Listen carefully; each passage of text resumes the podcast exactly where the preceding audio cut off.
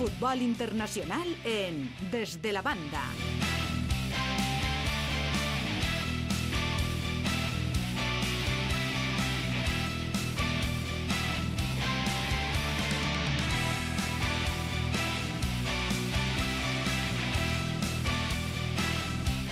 Carlos Pinola, bona nit de nou. Bona nit, Raül. Repetixes.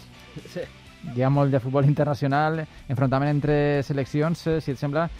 Eh, comencem per aquest partit entre Geòrgia i Espanya que, que ha guanyat Espanya miraculosament, però sí, ha guanyat, eh, ha pegat la volta al partit en la segona part amb els gols de Ferran Torres i ja pràcticament quan sonava la botxina amb aquest golàs eh, d'Olmo des de fora de l'àrea. Sí, estos, Espanya- eh, Estos partits contra rivals, eh, no sé, podríem qualificar-los, si no febles, no, no d'un perfil històricament eh, dels importants a nivell europeu o a nivell internacional, es compliquen massa la vida. I ara després parlarem d'algun marcador sorpresiu que s'ha donat en esta jornada. Sí, sí, es un partido creo que donde Luis Enrique está haciendo experimentos cara a la Eurocopa, no tanto cara al Mundial. Porque por los cambios, ha hecho siete cambios respecto al último partido. Hay jugadores que no se explican por qué están de titular, me refiero, por ejemplo, a la pareja de centrales que ha salido hoy.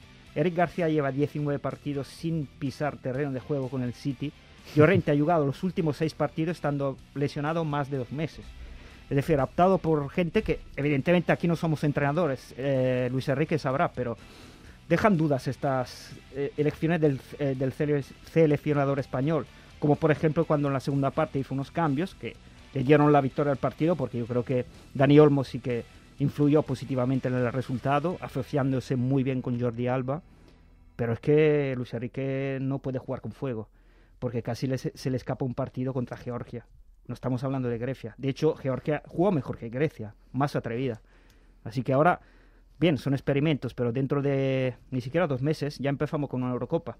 Así que esperemos no ver... A, a Itàlia també us passa que cadascú porteu un, un seleccionador o un entrenador eh, dins? A ver, Italia, Italia, por ejemplo, ya está afianzada en- con su juego, porque tiene a Mancini, que lleva ya dos, más de dos años en el cargo y ya... No discutiu tant a No, l'entrenador? no, no, no, ahora no. Ni les no, convocatòries, al ni revés. les alineacions. Al revés, al revés, al revés. Ahora estamos muy contentos Ah. con el juego de Italia, porque después de Ah, años así, se está eh, viendo un juego. Així no s'està mai content amb ningú. No, pero yo, yo veo críticas injustas a la selección española como que falta calidad. Pues a mí me gustaría tener una selección con tanta calidad como la que tiene España. Evidentemente no es un equipo veterano, porque la mayoría es gente joven, no tienen experiencia para estos partidos, pero crecerán con las experiencias ju- jugando más partidos. Pero yo estas críticas la puedo entender relativamente, porque si este de hoy hubiese sido el partido de una Eurocopa, pues sí, estaría preocupado, pero hasta que no lleguen los partidos muy, muy importantes donde España ha dado la talla últimamente, pues esperemos a sacar conclusiones.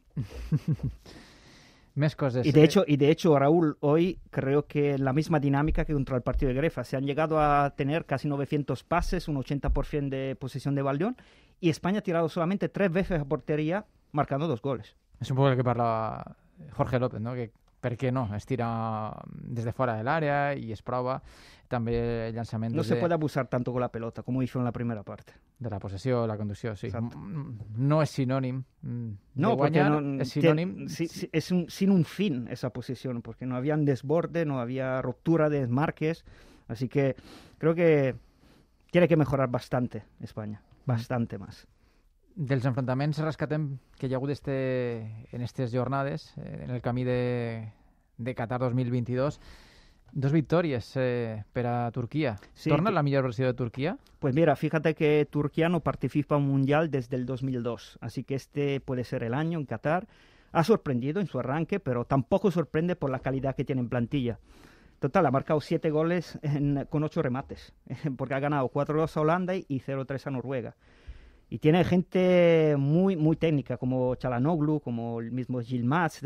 Y Hat-trick. y no, no, Gilmaz es impresionante. Con casi 36 años, un hat-trick con todo su repertorio de penalti, de falta y de un disparo con el exterior del pie espectacular. Porque parece que ese jugador estaba perdido por China, lo rescató el Lille. Y en el Lille ya llevan nueve goles. Ah, lo ha rescatado la Turquía. Ya lleva eh, un hat-trick y, y capitán. Yo creo que Turquía no sorprende tanto porque tiene mucha calidad en plantilla. Ja que parles de, de la seva edat, hi ha un altre futbolista també amb edat avançada, eh, veterà, podríem dir. Veterà, veterà millor, todos no? de pie, todos de pie hablando de este jugador. Però diferent, eh, en un àmbit diferent, perquè este sí que no ha baixat mai el seu nivell futbolístic, és prou, prou, prou regular en les seues actuacions, i això li ha servit, no?, tornar novament a un escenari, a la seva selecció, a Suècia. Mm, segurament no sé si estava o no en el seu full de ruta, però torna... Sí, lo estaba, lo estaba. Sí, en, en, en, la mente lo tenía. En la mente lo tenía y lo, lo enseñó en un post en Instagram en, en, el pasado mes de octubre que ya estaba pensando, le entró el gusanillo para entrar, volver a entrar a, a, a hacer parte de este grupo. Estem parlant de, de Benjamin Button y Ibrahimovic, porque Sí, cuanto claro. más la edad avanza, más mejora este jugador. Porque mm, nada más eh, debutar después de cinco años eh, eh, fue su- suya la asistencia.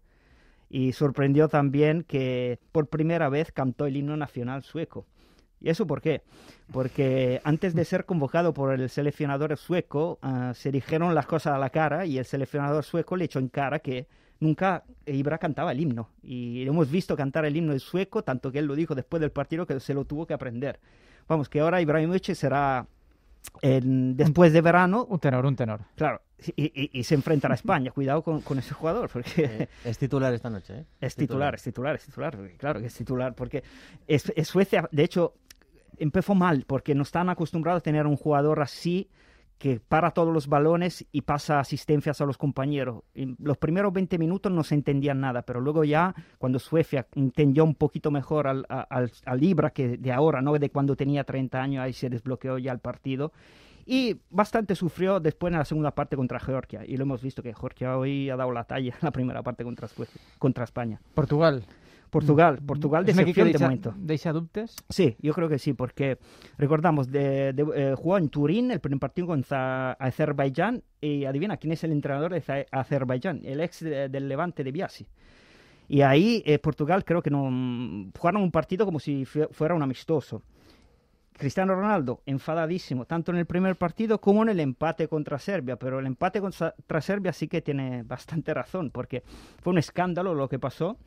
Eh, no vieron un gol que lo hemos visto creo todos en una foto que su- superó la línea de portería y, y es incomprensible como jugándose tanto y sobre todo vamos mm, 11 años atrás no sé si recordáis ese gol de mano de Thierry Henry que eliminó a Irlanda que era una repesca para ir a la Eurocopa, pues se ha vuelto, ha vuelto a ocurrir eh, en el 2021 con, con el VAR, que ya llevamos tres años con el VAR. Eh, puede perjudicar, puede perjudicar porque al fin y al cabo Portugal ahora mm, podría- hubiese sido una victoria, pero ahora con un empate sí tiene cuatro puntos, pero no creo que en el fútbol mm, tan moderno como, como lo que tenemos ahora no se puedan escapar estos goles porque no hay tecnología en el campo. Mm, Incomprensible. Sí, perquè és surrealista. Una vegada que, que ja està instaurada la tecnologia, mm, dona-li continuïtat també en aquestes competicions i, A ver, Raúl, esa, esa aquestes famosa errades tan grans. És que Es, són... es- es evidente. Como aquella mano de Henry, que su- se habló durante un año de esa mano de Henry, sobre todo en Irlanda, porque a Irlanda se le escapó la clasificación para la Eurocopa. Pues creo que esto no ha perjudicado tanto porque es una repesca, pero veremos cuando sacaremos las cuentas al final. Veurem. Uro Rasic. Uro Rasi sí jugó, sí, jugó contra, contra. Irlanda del nuevo entrenador eh, Dra- Dragan Stojkovic, el grande ex número 10 de la Estrella Roja que luego se fue al Olympique de Marsella. Ra- Rasic jugó unos 63 minutos, fue sustituido por otro ex valencianista como es Maximovic, pero la sorpresa yo creo que fue el doblete de, de Mitrovic, eh, que entró en cinco minutos, marcó dos goles y fue el héroe del partido, con también Radonic con dos asistencias que se transformó contra Portugal, parecía como Garrincha, de verdad. ¿eh? Entró en 15 minutos, dio dos asistencias y dio la vuelta al resultado Serbia contra Portugal, empatando 2-2. Bèlgica. Bèlgica. Lu- Lu- Lukaku. Sí, Lukaku, Lukaku Inter, porque eh, te digo, eh, el primer partido lo ganaron 3-1 contra Gales. Metió eh, el eh, su penalti número 18 de 18. Es decir, lleva tres años y medio sin fallar un penalti. Sí, totalmente, porque ahora con los, eh, fíjate que ha marcado los siete goles en los últimos seis partidos de Bélgica y ahora suma 59 goles en 91 partidos. Es prácticamente una Bélgica de Bruyne Lukaku dependiente, porque claro, si marca los goles Lukaku, las asistencias vienen de de, de Bruyne. De Bruyne, como ha pasado en esta, en esta semana de fútbol internacional con selecciones. Y luego tenemos, creo, una sorpresa, porque no estamos acostumbrados aquí hablando de las grandes selecciones, pero en este caso hay que, hay que decir la, mm, creo, la victoria y sorprendente de Luxemburgo. Luxemburgo porque ganó contra Irlanda en casa en, en Irlanda ¿eh? Y es su segunda victoria como visitante en toda su historia. El último partido que ganó fue en 2008 contra Suiza y luego Suiza fue la que le ganó al, al, al campeón del mundo que fue España. Tu tens la percepció de que aquestes seleccions tipus Luxemburg, el avui, de Geòrgia, que aquestes diferències que hi ha hagut, no sé, tots recordem, ja tenim una edat, la dècada dels 80, quan Espanya s'enfrontava a Malta, Albània, seleccions d'aquest perfil, ja sabies que anava a haver una golejada. Sí, pero el fútbol ha cambiado ahora. Mm, Lo estamos viendo, hay resultados sorprendentes. Es un fútbol más físico, no hay tanta, creo, diferencias como había hace 20 o 10, o 10 años, te, te diría, para apurar. Porque ahora esto, todos estos jugadores participan en las grandes ligas europeas, ha subido el nivel en general y no sorprende tanto una, una victoria de Luxemburgo, por ejemplo, batiendo a una como David contra Goliat, porque Irlanda era favoritísima, pero la sorpresa en el fútbol siguen existiendo por suerte y Luxemburgo nos ha regalado una de ellas. Alguna cosa més que t'haya sorprès d'estos Sí, enfrontaments? sí, bueno, yo creo que ahora habría que hablar también una mención a, a Luka Modric porque mm, ha batido récord de presencia con Croacia, ha alcanzado 135 partidos, es una barbaridad. Tu pronte. Sí, ha superado al anterior capitán croata que era Dario Serna, el ex del Shakhtar Donetsk, y fue celebrado muy emotivamente en la concentración de Croacia porque estaban todos los jugadores sentados eh, después de la comida, enseñaron unos vídeos de los momentos más importantes de, de Luka Modric. Este vídeo se puede ver en el Twitter de la selección croata de fútbol. Y al final llegó la tarta con los 135 partidos, con el número 135 y todos los componentes del grupo croata aplaudiéndole y, y, y Modric en lágrimas, total. Fue, Ah, fue bastante emocionante. Algú ja pensa en, no sé, en retirar-lo del Real Madrid, Pues yo ¿no? creo que no, porque es otro que mm, otro Benjamin Button. un porque-. Sí, no, es increíble porque creo que llega casi a los 36 años, pero creo que está haciendo una temporada, no tanto en su selección como en el Madrid, que de las últimas tres creo que está siendo la, quizá la mejor, Ujú. digo yo. La sub-21. La sub-21, Espanya, bueno, Espanya-Itàlia ahir. bueno, hay, hay 0-0. hay- Sí, hay ahí, acusaciones. ahí tens el cor dividit, no. Pues a ver, no me gustó el partido de Italia porque lo llevó al barro. Puedo decir este término porque fue, me, me parecía ver un partido de Getafe. Ahí, ahí la llevó Italia, ahí la llevó Italia porque claro, con las bajas que tenía importantes, pues no es comprensible que una selección en dos partidos pierda cinco jugadores por expulsiones.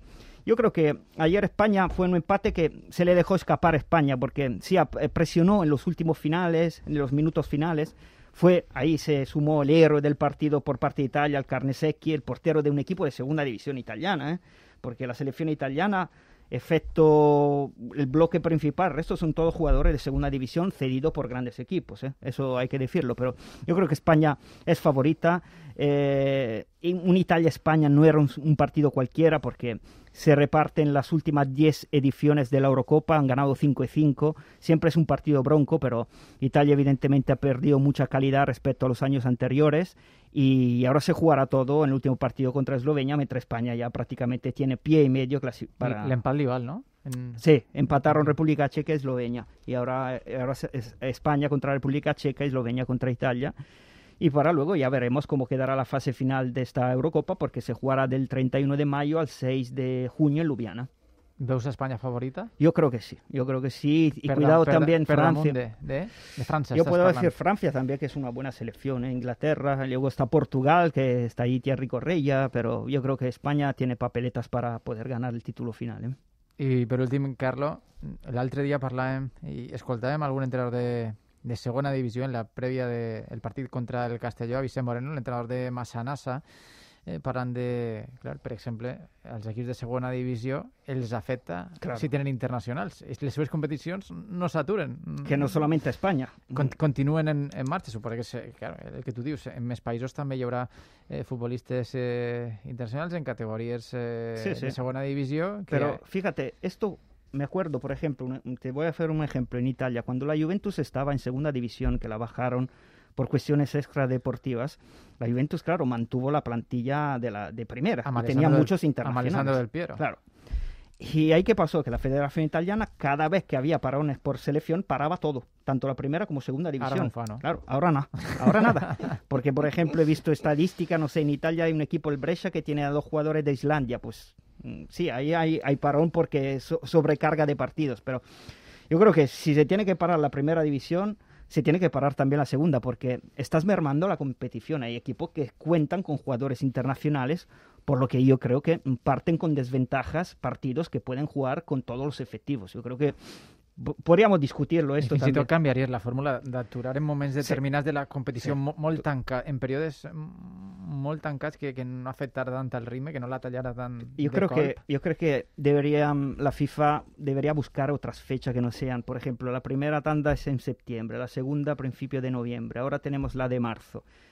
Y sobre todo esta última, porque ahora estamos en la fase final de Tot todas món, las tot, grandes el, ligas. tot el món juga alguna cosa tant en les lligues Claro. com en les competicions europees per equips. Efectivamente. Y, y es peligroso porque al fin y al cabo los jugadores perciben un sueldo de los clubes y los clubes se pueden jugar millones gracias a estos jugadores. Ejemplo de Mbappé. Mbappé ahora, eh, hoy jugó, ganó Francia contra, a ver, Uzbekistán creo que era, pues Mbappé en el banquillo, ya, ya reservándole. Pero, ¿por qué digo eso? Porque puede pasar de todo, pero hemos visto ya víctimas del virus FIFA, por ejemplo. Aquí tenemos un caso, Zilesen. ¿Y ahora qué pasa? Ahora el Valencia estará un mes sin Zilesen, que estaba siendo una seguridad, había aportado seguridad a este equipo, era un mes fuera. Pero ¿quién le va a compensar al Valencia? Nadie. No hay compensaciones porque estás perdiendo a los jugadores que están en competiciones europeas. Y el virus FIFA está siempre presente porque siempre hay víctimas de este, de este famoso virus. Así que yo creo que deberían replantearse un poco, unificar en una única fecha, quizás a final de la liga, de las, grandes ligas europeas, siempre cuando no haya Eurocopa o Mundiales, concentrarnos, por ejemplo, en el mes de junio para jugar todos los partidos que deberían tocar a lo largo del año. Yo creo por el bien de los jugadores, porque van sobrecargados, sobre todo en este momento con una pandemia, estos viajes que ya han dejado víctima en el anterior parón cuando volvieron muchos jugadores positivos en varios equipos, pues yo creo que era eh, más eh, sensato, creo, concentrarlo todo en un único periodo. Y yo te lanzo un ejemplo, por ejemplo, el mes de junio, ahí se pueden jugar perfectamente estos partidos, sin perjudicar a los clubes. Doncs a veure si pren nota la, la FIFA. Carlos Pinola, gràcies per aquestes classes magistrals de futbol internacional així des de la banda. Un plaer, Laur. Carlos Pinola, amb nosaltres, que sempre ens eh, parla de futbol internacional.